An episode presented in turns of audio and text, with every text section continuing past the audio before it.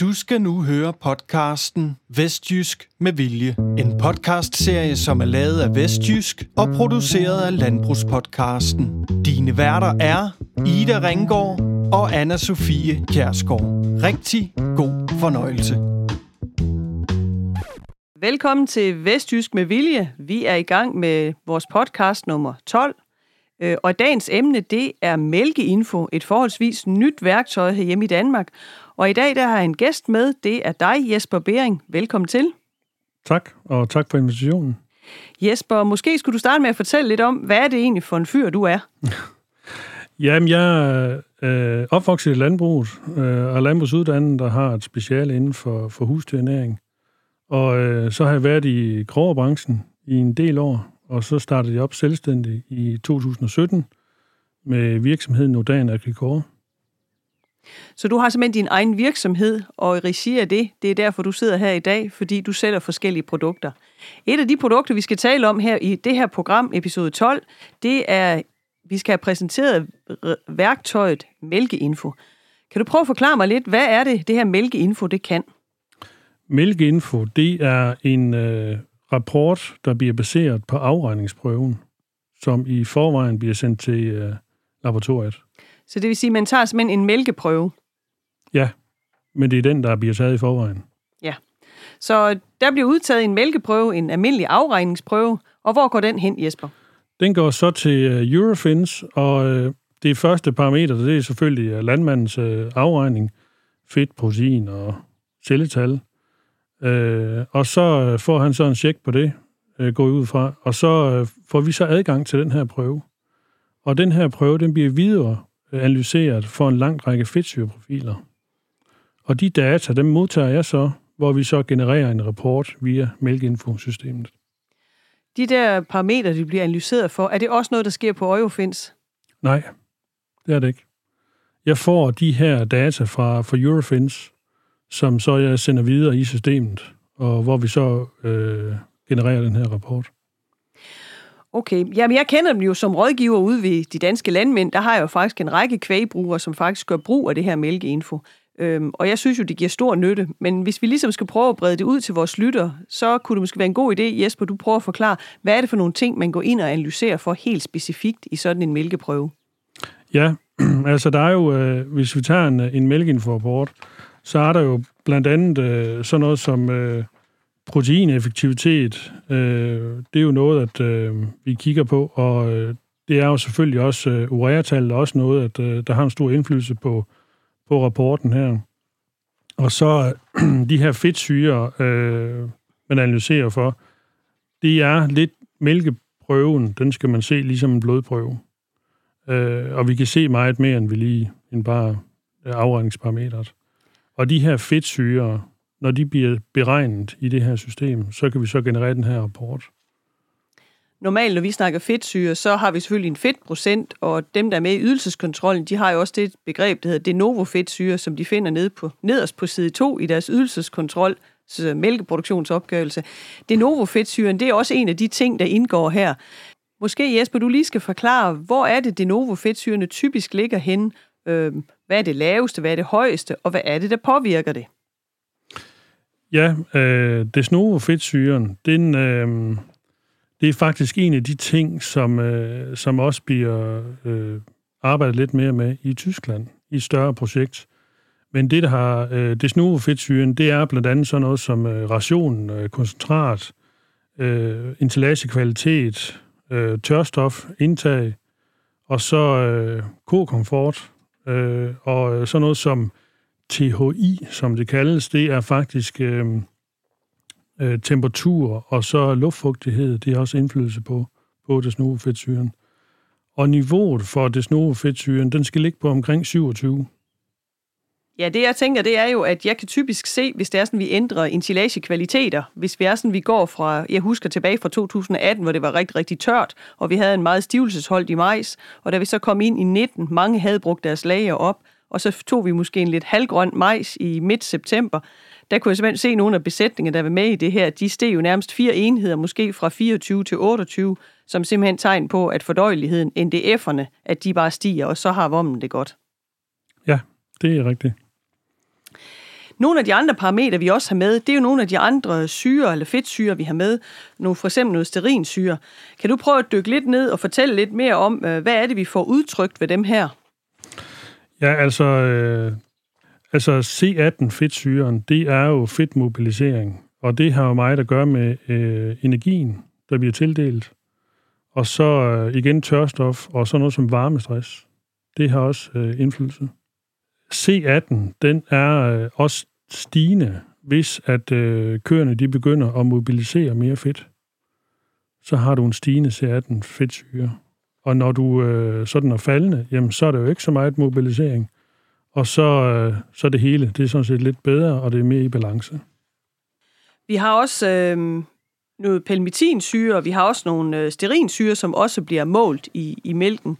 Kan du knytte nogle kommentarer til dem, Jesper?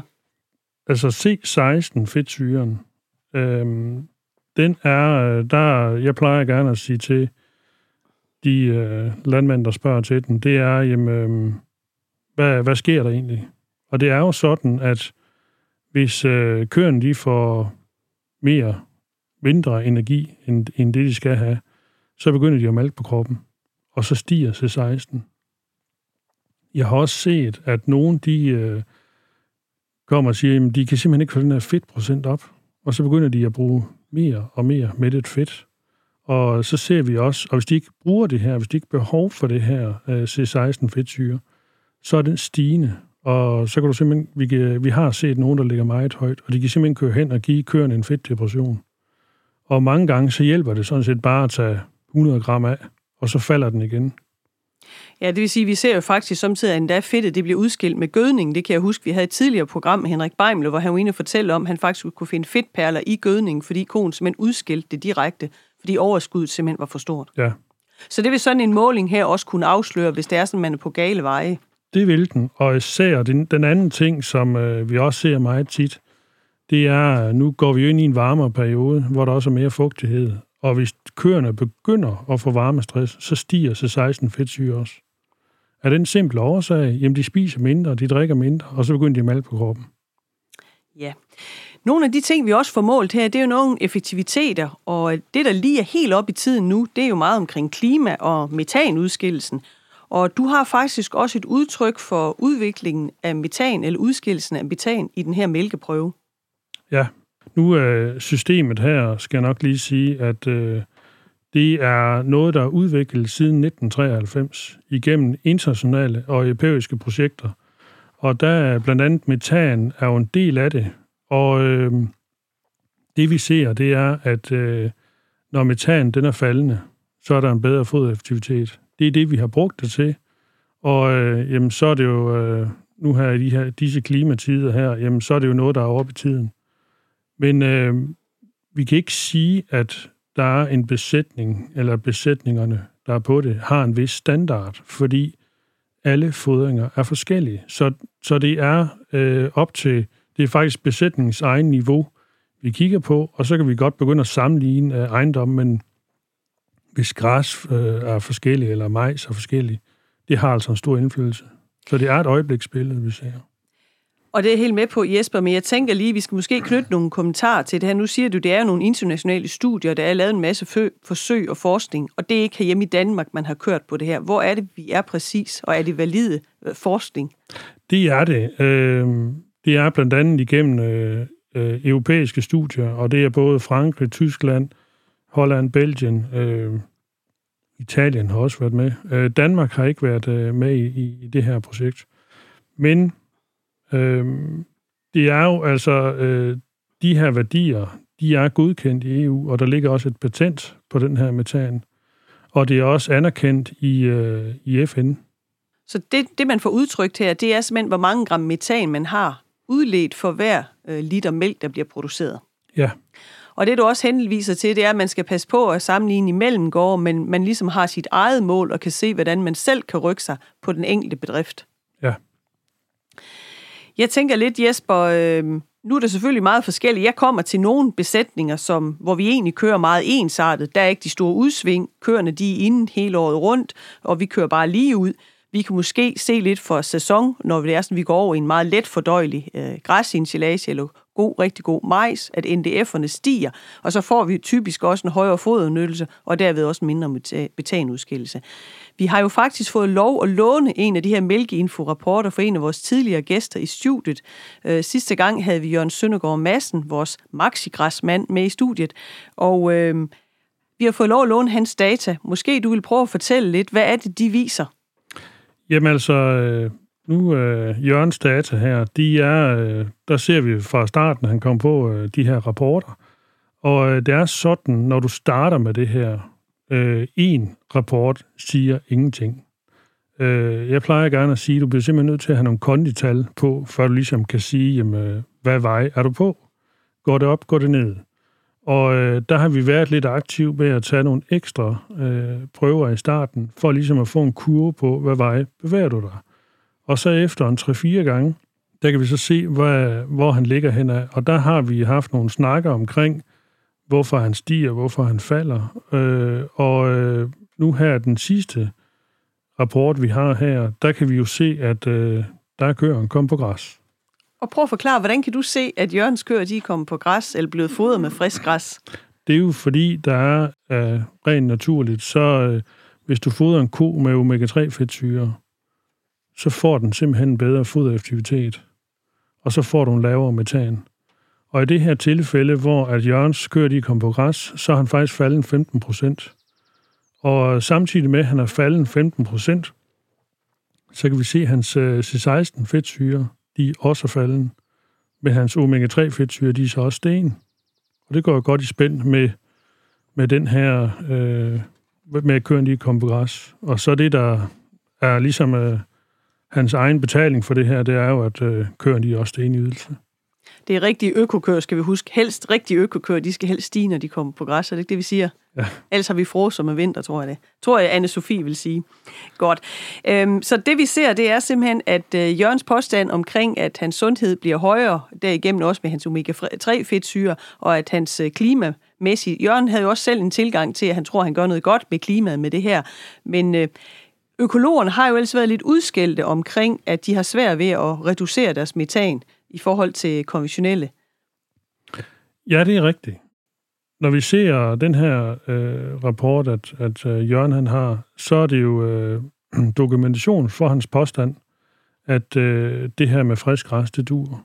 Og jeg har sagt til ham, at øh, jeg synes, at han skal bruge den offentligt, hvis han vil det, fordi det viser bare her, at øh, når, han, når de får det her frisk græs, så falder hans metan. Og jeg tænker måske, det er også, hvis man ellers ser på den måde, vi ellers måler klimabelastning på i Danmark, så snakker man bare carbon footprint, eller CO2-udtrykket. Øh, og man kan sige, at den her måde, med den her metode, med den her mælkeinfo-rapport, hvor vi måler direkte, hvor mange, eller der bliver en beregning af, hvor mange gram metan, der er udledt per liter mælk, det kan måske godt komme lidt til økologernes fordel, fordi det, man ellers typisk ser, når man laver klimaberegninger, så går man jo meget ind og kigger på andre ting, end netop lige for eksempel data fra en, en, en mælkeprøve. Jeg tænker lidt, Jesper, hvordan øh, er, du kommet, hvordan er du kommet ind i det her? Måske skulle vi lige have en historie om, hvordan er du havnet med det her, og hvor udbredt er det egentlig i Danmark ved vores danske mælkeproducenter? Jo, men det, øh, det er kommet ind i øh, faktisk over en længere periode. Jeg blev opmærksom på det her system tilbage i 2010-11 stykker, øh, hvor der faktisk var en måde, at bearbejde øh, data på øh, fra køer, i stedet for bare at få afgangsparametret. Øhm, og den her måde, hvor man ligesom kan se meget mere, det øh, har så ligget øh, stille lidt, og øh, jeg har arbejdet videre med det, efter jeg blev selvstændig. Systemet her øh, trak jeg så ind til Danmark i øh, 2017. Øh, og det er jo fordi, at øh, jeg blandt andet også har nogle andre produkter, øh, der hænger sammen med det her mælkeinfo. Og øh, det er lige så meget for at sandsynliggøre effekten af iselin øh, og øh, den værdi, der ligger i omega-3-fedtsyre. Så det er simpelthen for, at du ligesom måske kunne dokumentere nogle andre ting, at du ligesom har sagt, at det her det er noget, du også har med i tasken, så man ligesom kan prøve at sige, nu måler vi, tager en konkret prøve af det, du siger, det en, om det er en blodprøve, mælkeprøve, i det her tilfælde er det jo en mælkeprøve, og vi simpelthen får syn for sagen, vi får valide data på det. Men Ida, hvordan øh, bruger du mælkeinfo i forhold til øh, dine øh, foderplaner, du laver? Jamen, jeg er så heldig. Jeg har jo faktisk et par stykker, som bruger det her mælkeinfo, og øh, jeg synes, det er rigtig godt. Jeg har en, som får det hver måned, og så har jeg faktisk også en besætning, som får dem taget på ugebasis. Det er måske lige rigeligt nok. Der er mange data at forholde sig til. Men når jeg kommer ud på de her bedrifter, så har jeg dem altid printet med, printet ud. Det er jo de her en 6-8 siders rapport øhm, i farver. Og jeg synes faktisk, de er meget illustrative til at bruge, også når det er sådan, jeg har udlandske medarbejdere med, og skal prøve at forklare dem om, hvordan er det egentlig, fodringen er sat sammen. Der synes jeg, det er rart, og altså rød, grøn, gul, og det, det ved man, hvad er sådan et trafiklyssystem ja. næsten. Det, det kan man forholde sig til. Øh, så det synes jeg for mig er, er let at forklare, fordi mit engelsk forråd, det ved mange, det er ikke altid lige godt, men farver, det kan forklare mange ting. Øhm, så det, jeg netop bruger det til, det er også for eksempel, hvis vi skal se på varmestress. Øh, sidste år kunne vi se, at vi synes måske ikke, det blev varmt, men august mange steder, den var rigtig hæslig. Og der kan man for eksempel gå ind og se, at vommens aktivitet, den styrtdykker. Og når jeg så kan samtidig med kan vise dem på deres senshop, ikke for at lave reklame, men der kan de gå ind og se, at drøvtykningen også falder. Så kan de se, nå, jamen det var også der, hvor de ikke rigtig åd op, og de spiste ikke nok, og selvom de ikke spiste nok, så var fodereffektiviteten faktisk heller ikke særlig god og vi kan se, at metanudskillelsen også har været stigende, fordi netop køerne har været ineffektive, de har ikke ædt det, de skulle, de har været påvirket af varmen, vommen har ikke fungeret, drøvtykningen har ikke været, det er novo, fedtsyrene falder. Og så tror jeg egentlig, der er mange, der kan se øh, en sammenhæng i det. Det er meget, meget komplekst, det her. Jeg bruger måske ikke så meget at kigge på de enkelte fedtsyre. Det er noget, jeg som, som rådgiver selv går ind og kigger på. Men de andre udtryk som energieffektivitet og vommensaktivitet, det er noget, jeg let kan forklare medarbejdere, også selv yngste mand, måske kun på 17,5. Han kan også få værdi af det her. Men det er klart, at der skal sættes ord på, og det skal omsættes. Ja. Jeg plejer gerne at sige, at øh, når de spørger mig, hvad, hvad de der farver de betyder, når de får den, øh, den første rapport, så siger jeg til dem, I skal se på de der farver, ligesom en energiklasse på en opvaskemaskine. Jamen, nu er jeg jo bundekone, jeg kigger aldrig på energiklasser. nej, nej, men, men det er jo i hvert fald, øh, det er lige så meget for at symbolisere det. Og, og det er jo selvfølgelig, øh, det er et øjebliksbillede, og, øh, øh, men jeg synes, det er godt øh, værktøj, det bliver brugt aktivt i øh, flere besætninger, øh, og, og du får simpelthen øh, syn for sagen. Du kan se, øh, hvis der sker noget med din græsinstallage. Det kan vi jo ikke rigtig se i en foderplan. Jeg synes i hvert fald tit, det der med NDF, nu er jeg jo sådan, øh, ude vestfra er vi jo lidt øh, believers i NDF øh, og fordøjelighed af, af NDF, FK-NDF, og der synes jeg virkelig, at jeg kan se en, en effekt her. Øh, det kan jeg også, hvis jeg ser min de novo fedtsyre, hvis jeg ser på ydelseskontrolrapporten, men det har jeg kun et enkelt udtryk for det. Og her, der synes jeg faktisk, at jeg bliver hjulpet rigtig godt på vej. Øhm, Jesper, er det her noget, der koster en bundegård at få lavet? En øh, 12 rapporter på et år, det koster 6500. Så cirka 500 kroner i måned? Ja. ja. Og hvad er det så, man får? Så får man otte sider? Så får man en øh, 8-siders rapport, og øh, jeg øh, plejer gerne at sige til dem, der gerne vil prøve det her at de første øh, to-tre rapporter, det er UB, fordi igen, vi skal simpelthen have nogle kondital på, før vi ligesom kan sige, jamen, hvor er du henne? Hvad, hvad er hvor er du på vej hen? Og, øh, og så kommer de ellers øh, hver måned. Og det er systemet er sat sådan op, at øh, man kan øh, gå ind via mælkeinfo.dk, der er der en kolonne, der hedder deltagelse, så udfylder man de data, øh, der ligger der, og så øh, det næste, der sker, det er, at man enten får en telefonopringning, hvor man skal øh, aflevere laktationsdage og dagsydelse, som er meget vigtigt for at lave rapporten så som præcis som muligt. Øh, alternativet er, at vi kan simpelthen sende mail ud, og så skal man selv taste dem ind. Dem, jeg har, der bruger det her, det er jo enten sådan nogle, øh, der virkelig går op i konørderi, eller ellers er det som, ja, Jørgen Søndergaard Madsen går jo også op i konørderi, men for eksempel har hans græsmarksprojekt. Er det sådan lidt øh, ekstremer, der bruger det her, eller hvad er din fornemmelse? Eller er det simpelthen klimabevidste landkvægbrugere, der melder sig ind på den her ting? De er ikke, øh, ja, de gør det ikke på grund af klimaet. De gør det mere som et øh, mælkeinfo er et hjælpeværktøj til deres foderplan. Jo flere rapporter de får, jo mere komfortabel bliver de også med at bruge det her system. Og så kan de bare se, jamen, det de, øh, det de oplever ude i besætningen, jamen det, det går igen i rapporten. Jeg synes i hvert fald, jeg kan sige, what you see is what you get. Altså det, jeg propper ind i min køer, og det, jeg kan se, den udstråling køerne har, det de fortæller mig, også når jeg tænker på gødning og den slags ting, det er faktisk meget i stil med det her. Lige inden vi startede her programmet, Jesper, der fortalte du mig faktisk, at der var faktisk en her, gået helt bort fra at lave foderplaner. Hva, hvad er det egentlig, han gør? Ja, og det er, det er ikke på min opfordring. Det er hans egen øh, interesse. Men han øh, har ikke fået lavet foderplan i over to år. Øh, men han er blevet så komfortabel med de her mælkeinforrapporter, at han simpelthen bruger det til at styre efter. Han kigger på hans køer, han øh, holder øje med dem, øh, og, øh, og sørger for, at, at øh, det hele er optimalt. Men han er også øh, hurtig til at kan se, hvis der går noget galt. Altså hvis de begynder for eksempel at stige i C16 fedtsyre, så begynder der at ske noget. Men han, han får kun rapporteren en gang om måneden. Og der reagerer han simpelthen og kan se, om køerne skal have tildelt noget ekstra energi, eller om de får for meget fedt, eller hvad de gør. Ja, det er præcis. Jesper, hvis vi sådan skal se fremadrettet de næste år frem, tror du det her det bliver en del af, af fremtiden? Det håber jeg, der er bestemt på. Øh, det er jo øh, frit for alle, øh, og de kan jo bare melde sig til, og så, så, så skulle jeg gerne køre det ud af. Og øh, jeg synes, at det er et øh, rigtig godt styringsværktøj, der også sandsynligt gør, hvad der sker på besætningsniveau. Og så øh, må jeg bare sige, at øh, der er jo mange af øh, de her øh, mælkeproducenter, der tager et kæmpe ansvar allerede på, øh, på miljøsiden. Og det her, det viser bare, at øh, eller det dokumenterer også, at øh, der er faktisk nogen, der, der interesserer sig for det her og gør en stor indsats. Jesper, jeg tror, at vi slutter her, og jeg vil gerne sige tusind tak, fordi du kom, så fortsæt god dag. Tak for det, og lige måde.